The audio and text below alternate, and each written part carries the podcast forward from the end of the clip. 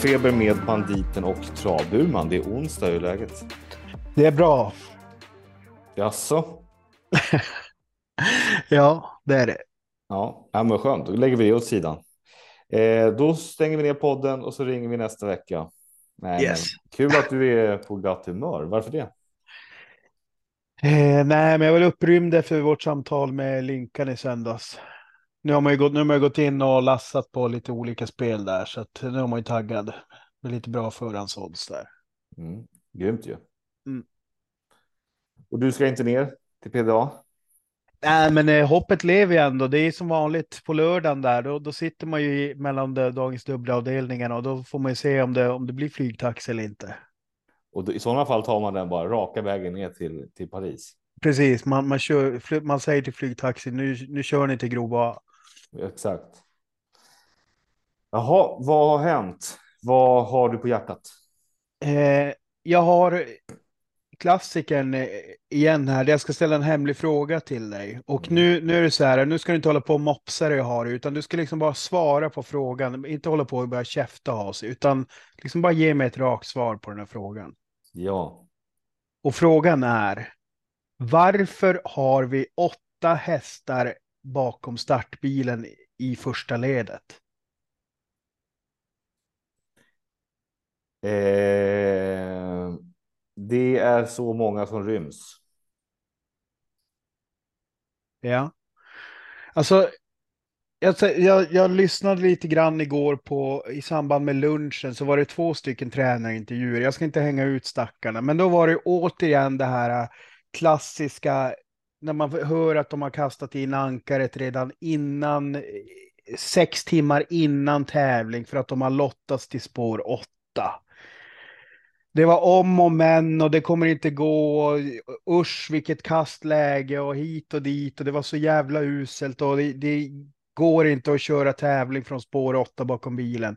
Jag förstår inte varför inte tränarkollektivet det måste ju vara högst upp på deras agenda att bara få bort spår 8 från bilen. Bara, bara ta bort det så att, vi, så att man kör sju stycken bakom bilen och så sen då flyttar man så att man har en, en femte häst som startar från bakspår istället.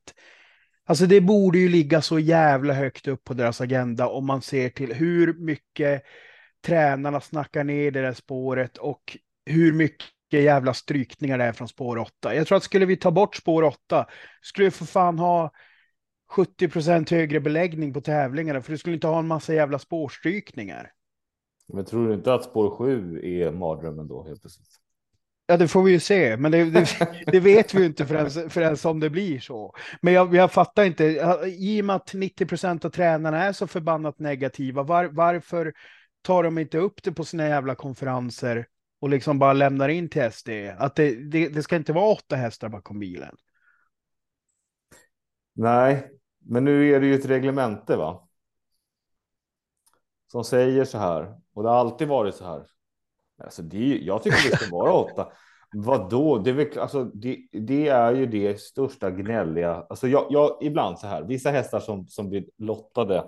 Jag, jag tycker att det är lite konstigt att, att hästar blir lottade så där bara hips vips. De kan få vilket spår som helst och så, så blir de alltid. Någon häst blir lottad till spår åtta fem gånger i rad på auto. Mm. Det är lite taskigt. Alltså det är ju Mm. otur verkligen. Då kan man det kan man ju dras med liksom att när det varit bakspår, bakspår, spår 8, spår 7 liksom, och hästen är startsnabb.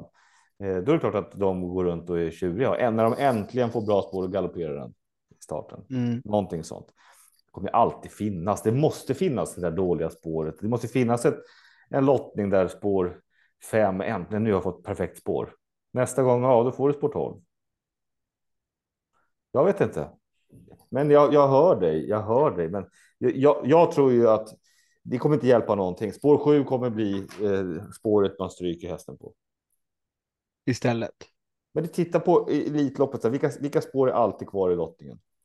Vilka, vilka, vilka spår vill man inte ha? Det är ju 7 och 8.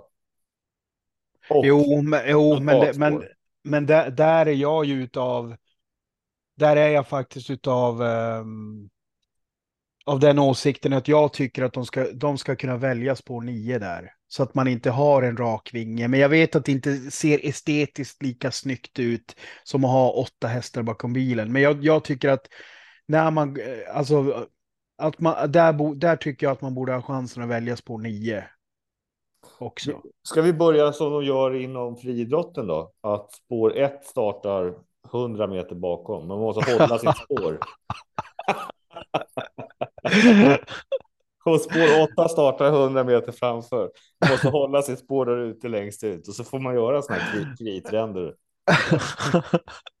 ja, det, det, det, det, blir nog att göra det lite svårt eh, för sig om vi nu ska vara lite seriösa för en sekund där. Ja. Nej, nej, men alltså, jag, jag, alltså, det blev bara så jävla tydligt när, när två tränare bara var så här. Ja, det var totalt chanslöst och det, det är så här. Hästarna var jättebra slag och så här, men det var ju omöjliga lägen.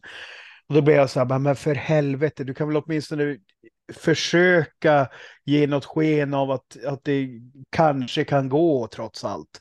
Men sen tycker jag även att det är lite fascinerande det här som du tog upp med att i stort sett 90 procent av loppen så lottas ju startspåren. Alltså är inte det egentligen ett grymt nu vet jag inte liksom vad, återigen så har det med våra barnkroppar att göra, att, att eh, spåren blir ju tyvärr rätt avgörande för hur loppen ska ske. Hade vi haft tio stycken eh, banor som var lika stora och breda som nere i Frankrike, då blir ju spåren mindre avgörande. Då, då, då blir det ju mer att den bästa hästen kommer komma till. Men så som våra bankroppar ser ut nu så blir ju också som det körs i loppen så blir det ju väldigt mycket spåren som avgör. Eh, så att jag vet inte, på, på, ett sätt ska jag bara tycka att om vi, om vi återigen jämför med exempelvis friidrotten så är det ju så här att du, du går ju alltid på någon slags sidningspoäng eller om det är ett mästerskap så går du ju på föregående loppsresultat vilket startspår du får.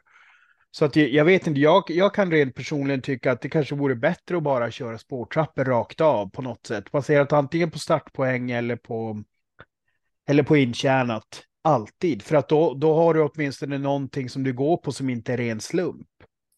Har du sett någon gång en lottning?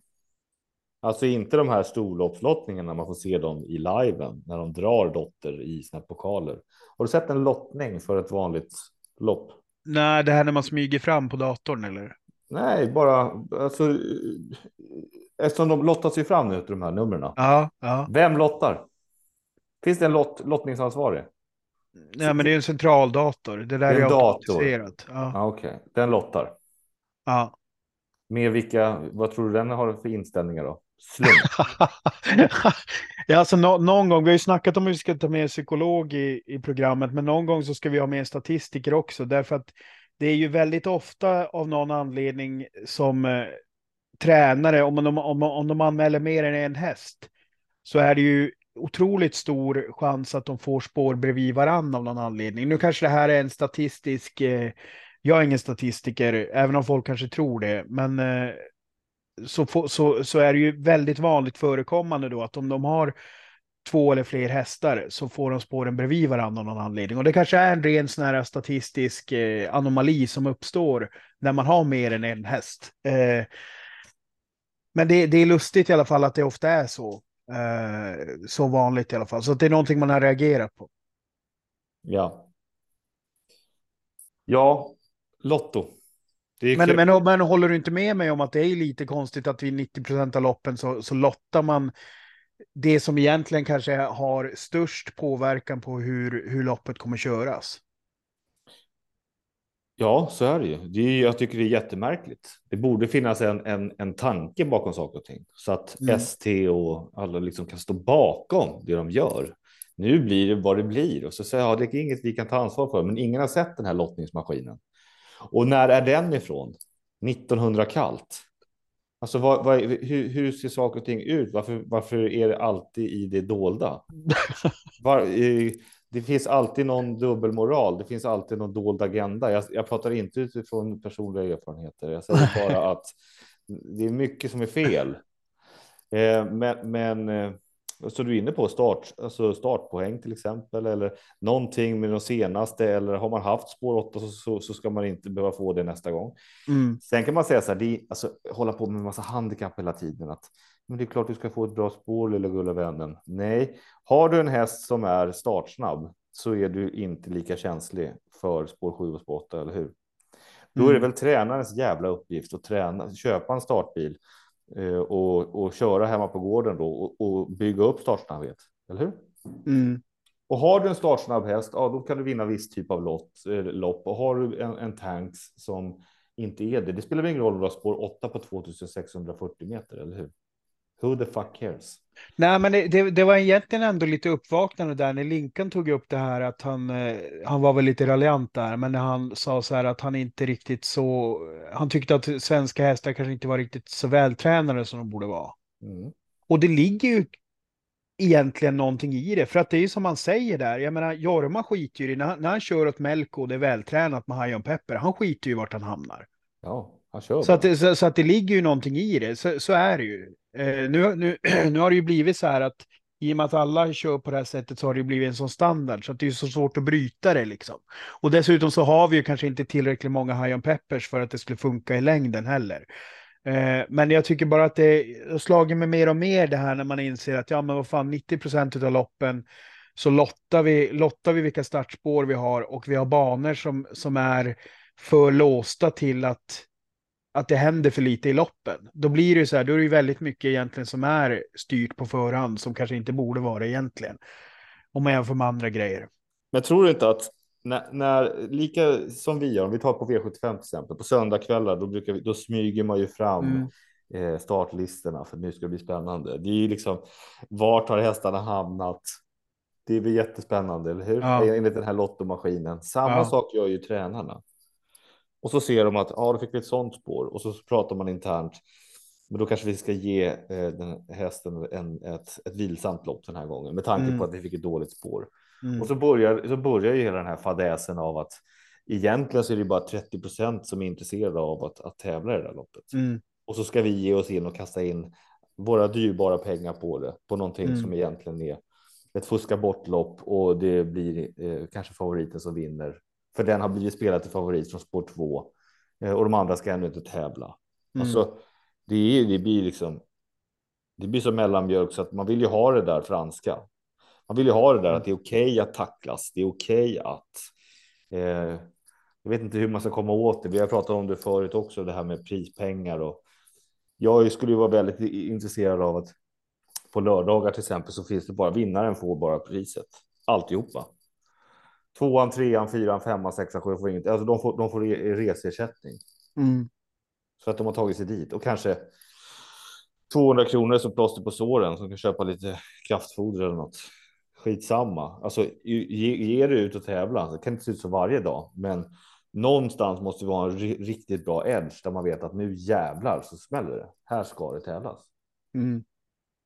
Hur många gånger när du, får, när du hamnar i Elitloppet och får spår 8 och tänker att "Åh, kanske ska ge hästen ett snällt lopp ändå alltså inför, inför kommande starter så tänker man ju inte. Man tänker vad, vad gör vi i bästa situationen från spår 8 nu? Eller hur? Har, har, är det någon som har strukit en häst från spår 8 i Elitloppet? Jag kommer, inte ihåg, jag kommer inte ihåg på rak arm, men jag, jag tror fan det. Okej Alltså det, är, ändå- det är ändå spår 8, det är ju liksom trash-spåret liksom för dem. Eh, Ja. Men, men, men det lär ju vara mindre än det vanliga för att det finns Mm. ett större värde här. Att här, det här Absolut. loppet vill man ju ett köra, man vill delta i det och man vill kanske försöka vinna eller och om inte annat försöka komma fyra för att få pengar. Så att incitamentet finns ju kanske inte där alltid i det, i det vardagliga. Skitsamma, vi går vidare. Vi kan inte fastna Yes. vid en punkt. Yes. Något annat lille Burman? Jo, men det var ju så här att vi hade ju det här med eh, den norska kvinnan som vann på Eurojackpot. Vi hade ju en annan norsk nyhet också. Det var ju att Peter Stordalen hade ju köpt namnrättigheten till eh, nationalarenan för fotboll och allt vad det nu kallas. Det som tidigare kallades då Friends Arena. Mm. Och eh, kallas ju numera Strawberry Arena. Och då slog det mig så här, varför har inte Hagmyren sålt sitt arenanamn? Om de nu behöver få in, vad var det, 6,8 miljoner, va? var det inte så? Eller nu freestyle här, jag har inte kvar, eh, jag har inte kvar, så, eller om det var två miljoner eller vad fan. Jag menar, det enkla vore ju då, de här stackarna som, som, som de då ska anlita för att få sina solpaneler ditmonterade, det vill bara ge deras företagsnamn, arenanamnet tills, tills det solpanelerna är på plats. Ja, ganska osexig plats att ha ett arenanamn kanske. Alltså, jag tänker, men man skulle kunna gå till något sånt där lite Onlyfans arena eller något. jo, fast det är ju ändå så här att om, om, du, om det säger, nu, nu hittar jag bara på summan här, eftersom jag inte minns vad det var. Jag orkar inte gå in och försöka hitta artikeln, men säg att du behöver två miljoner. Då får du ju försöka lösa två miljoner på riktigt också. Det känns som att travbanorna är ganska mångt och mycket bara sitter och väntar på att, eh, alltså som fågelungar på att SD ska komma och mata dem. Ehm, och ATG. Det är lite den känslan man får, för att det, det är inte bara det här med Hagmyrens eh, belysning. Det är ju även fem, fem stycken banor som då tydligen innan årets slut måste fixa ny belysning. Mm. Och det här är ju någonting som de har haft över tio år på sig att fixa. Och det är liksom inte, alltså det är lite Lyxfällan-varning när man har haft en pandemiperiod när all annan sport låg nere. Det enda som gick att spela på var trav, travsport. Och när eh, rimligtvis borde banorna ha varit på sin topp ekonomiskt då, innan, innan en massa inflation och krig och grejer. Så att det borde liksom ha varit så här att när man såg det här komma så borde man kanske ha tänkt okej, okay, det här med elbelysningen som är ett, ett, ett måste permanent eh, 2024, det kanske vi ska börja ta tag i. För då är det ett par av de här banorna som inte ens har satt igång ordentligt. Och de måste alltså lösa det här innan december. Eller alltså innan 31 december 2024. Nu vet jag hur det blir. Nu kommer det antagligen bli så här att jag Bollnäs eller Örebro, det var någon av dem som inte ens hade satt igång. Då kommer de säkert skicka in då i slutet av december att nej, vi har, vi har inte hunnit tyvärr. Vi måste utreda någon, någonting, något bullshit och så får de ett år till på sig. Men det är lite så här att man bara känner så här att de, de lever lite i en skyddad verkstad de här eh, travbanorna och det är liksom inte riktigt, det är ungefär som med teatrarna. Du vet att när du går på en teater så är det ju så här att pengarna som kommer in där är ju subventionerade. Det är ju inte det att de själva går runt av sig själva. Det är lite grann samma sak med travbanorna. Utan eh, de är ju så beroende av att och därför kan jag känna så här att om ST bara säger, säger till Hagmyren så här, nej, ni, de, de pengarna som ni ska få ut nu för vinterdriften, de måste ju gå till någonting. Vi vill se vad ni använder dem till vinter, vinterdriften så att inte de här pengarna används till att betala den här skulden som ni har till till de som ska fixa era solpaneler. Och då, då är det ju så här, ja, då, då är väl ett alternativ kvar väl att sälja arenanamnet. Om alla andra eventarenor numera säljer sina namn, varför skulle inte travbanorna kunna göra det för att kunna dra in pengar? Nej. Varför? Eller, ja, okej, okay. ja, ja. Eller är det den sista liksom eh, fina bastiljonen där vi inte håller på med sån kommers? Är travet den, den fronten? Jag satt och funderade på det här att privatisera. Eh, för skolor har man ju gjort så här, så privatisera travet. Det är bara lek med tanken. Ja. De travbanor som är mest attraktiva, som drar mest publik, tjänar ju mest pengar mm. och som kan ha mest intressanta proppar, anmälningsmöjligheter eh, liksom eh, och prispengar. De kommer ju också då ha flest tävlingsdagar på ett år och kommer ju ha pengar för att betala de här eh, loppen, hur det skulle kunna vara. Mm. Eh, då skulle vi kanske bara ha en fyra, fem travbanor i Sverige som skulle ju vara vinstdrivande. Mm. Eh, och tror du att man skulle vara så lama som man är nu, liksom i allt? Aldrig. Det skulle ju ha klassiskt, alltså nu, nu kommer ju hela hästsporten fallera säkert på det. Det går säkert inte, men det skulle vara väldigt intressant om man skulle kunna få in någon form av privatisering i eh, banorna. Sen så ja, det... jag, jag, jag, tycker att det finns ju ett, eh, en idé att försöka vara, vara mer självförsörjande överlag. Mm. Så, att, så att det inte bara handlar om när vinterpengarna kommer som uppenbarligen inte används till någonting annat än som en buffert när man har bränt grejer på annat. Eftersom Hagmyren var ju väldigt noga med att ja, men de här vinterpengarna kan vi ju ta till, till de här solpanelerna eftersom vi har bränt pengarna på någonting annat. Och då känner jag så här att ja, det kanske är, kanske är dags att Att man försöker börja, börja liksom eh, lägga budgeter på riktigt så att det inte ska behöva bli Lyxfällan varenda gång någonting händer. Men hur många lampor är det man ska sätta upp? Vart ska belysningen vara? Eller lyser det inte på banan eller? Det, eller Jo, det... men det, det, tydligen så lyser det för dåligt sett till vad, eh, vad som krävs för tv-sändningarna. Det, det fanns där eh, i, i en travronden-artikel så stod det angivet rent av med tekniska termer. Så att det, jag vet inte, det här kanske är bullshit egentligen. Det kanske är en sån här grej där, att det är ett, lyx, eh, ett lyxproblem. Men har man ändå har man haft ett beslut över sig i tio års tid, då, då kan jag ändå tycka att så här, okej, okay, om, det, om det här ligger fastlagt att 2024 måste det här vara fixat. Om man har inte kunnat sätta igång med det att man, man kan inte visa på, alltså, alltså två av banorna inte ens kan visa på att de har satt igång utredningen. Det visar att det blir lite problematiskt för då, då är det svårt att se att de vet vad det ska kosta också. Och då Mm. kanske det är svårt att få in det i budgeten, är min spontana känsla. Ja, Men, men, men det man kan komma fram till är ju då att jag har ju sagt att det kanske är lite för många banor som kör just nu. Så att det här kanske vi har, att det kanske någon straffar ut sig själv då. Så att vi, så att vi får en, eh, en mer flexibel tävlingskalender 2025 eventuellt. Men eh, jag betvivlar det på något sätt. Mm. Jag har en annan. Jag satt och tittade på es Eskilstuna. Satt jag och kikade på om man skulle dra dit och, och köra entré, käka, ta travprogram till exempel. Ja, Kollade jag på en resa för dig och mig. Vi skiter i resan dit. Vi, vi får väl så här stå vid vägkanten och köra tum, tummen. Eh, 350 spänn får betala för två hamburgare, alltså högrevsburgare, alltså hamburgertallrikar. ja, Då, om vi köper dem, får vi restaurangplats och då ingår även eh, ett travprogram och det ingår även entré. 350 spänn för oss båda två. Det är ju rätt schysst, va? Ja Jag det är inte per skalle, det är för två pers. Ja, 175 kronor tallriken. Ja, Men då ingår entrén för att man har valt att sätta sig i restaurangen och man Ja. får ett travprogram som annars kostar 50 kronor. Tänkte Ja. så här, fan det, här, det är rätt trevligt. Det, det, det gör ju beslutet ganska enkelt och sen så hur jag vet inte kvaliteten på den här högrättsburgaren, men eh, man är ju dels där för sporten nästan mest och så något gott att äta. Men det är Mm. fortfarande en liten peng. mm, Då kollade jag så här, äh, kul, vi, vi går in, jag, jag, jag bokar bistron på Solvalla. Mm. Eh, vad händer då? 1200 kronor för att du och jag ska äta. Och då får vi ändå betala 50 kronor för ett travprogram som vi får dela på. De slänger inte ens med det.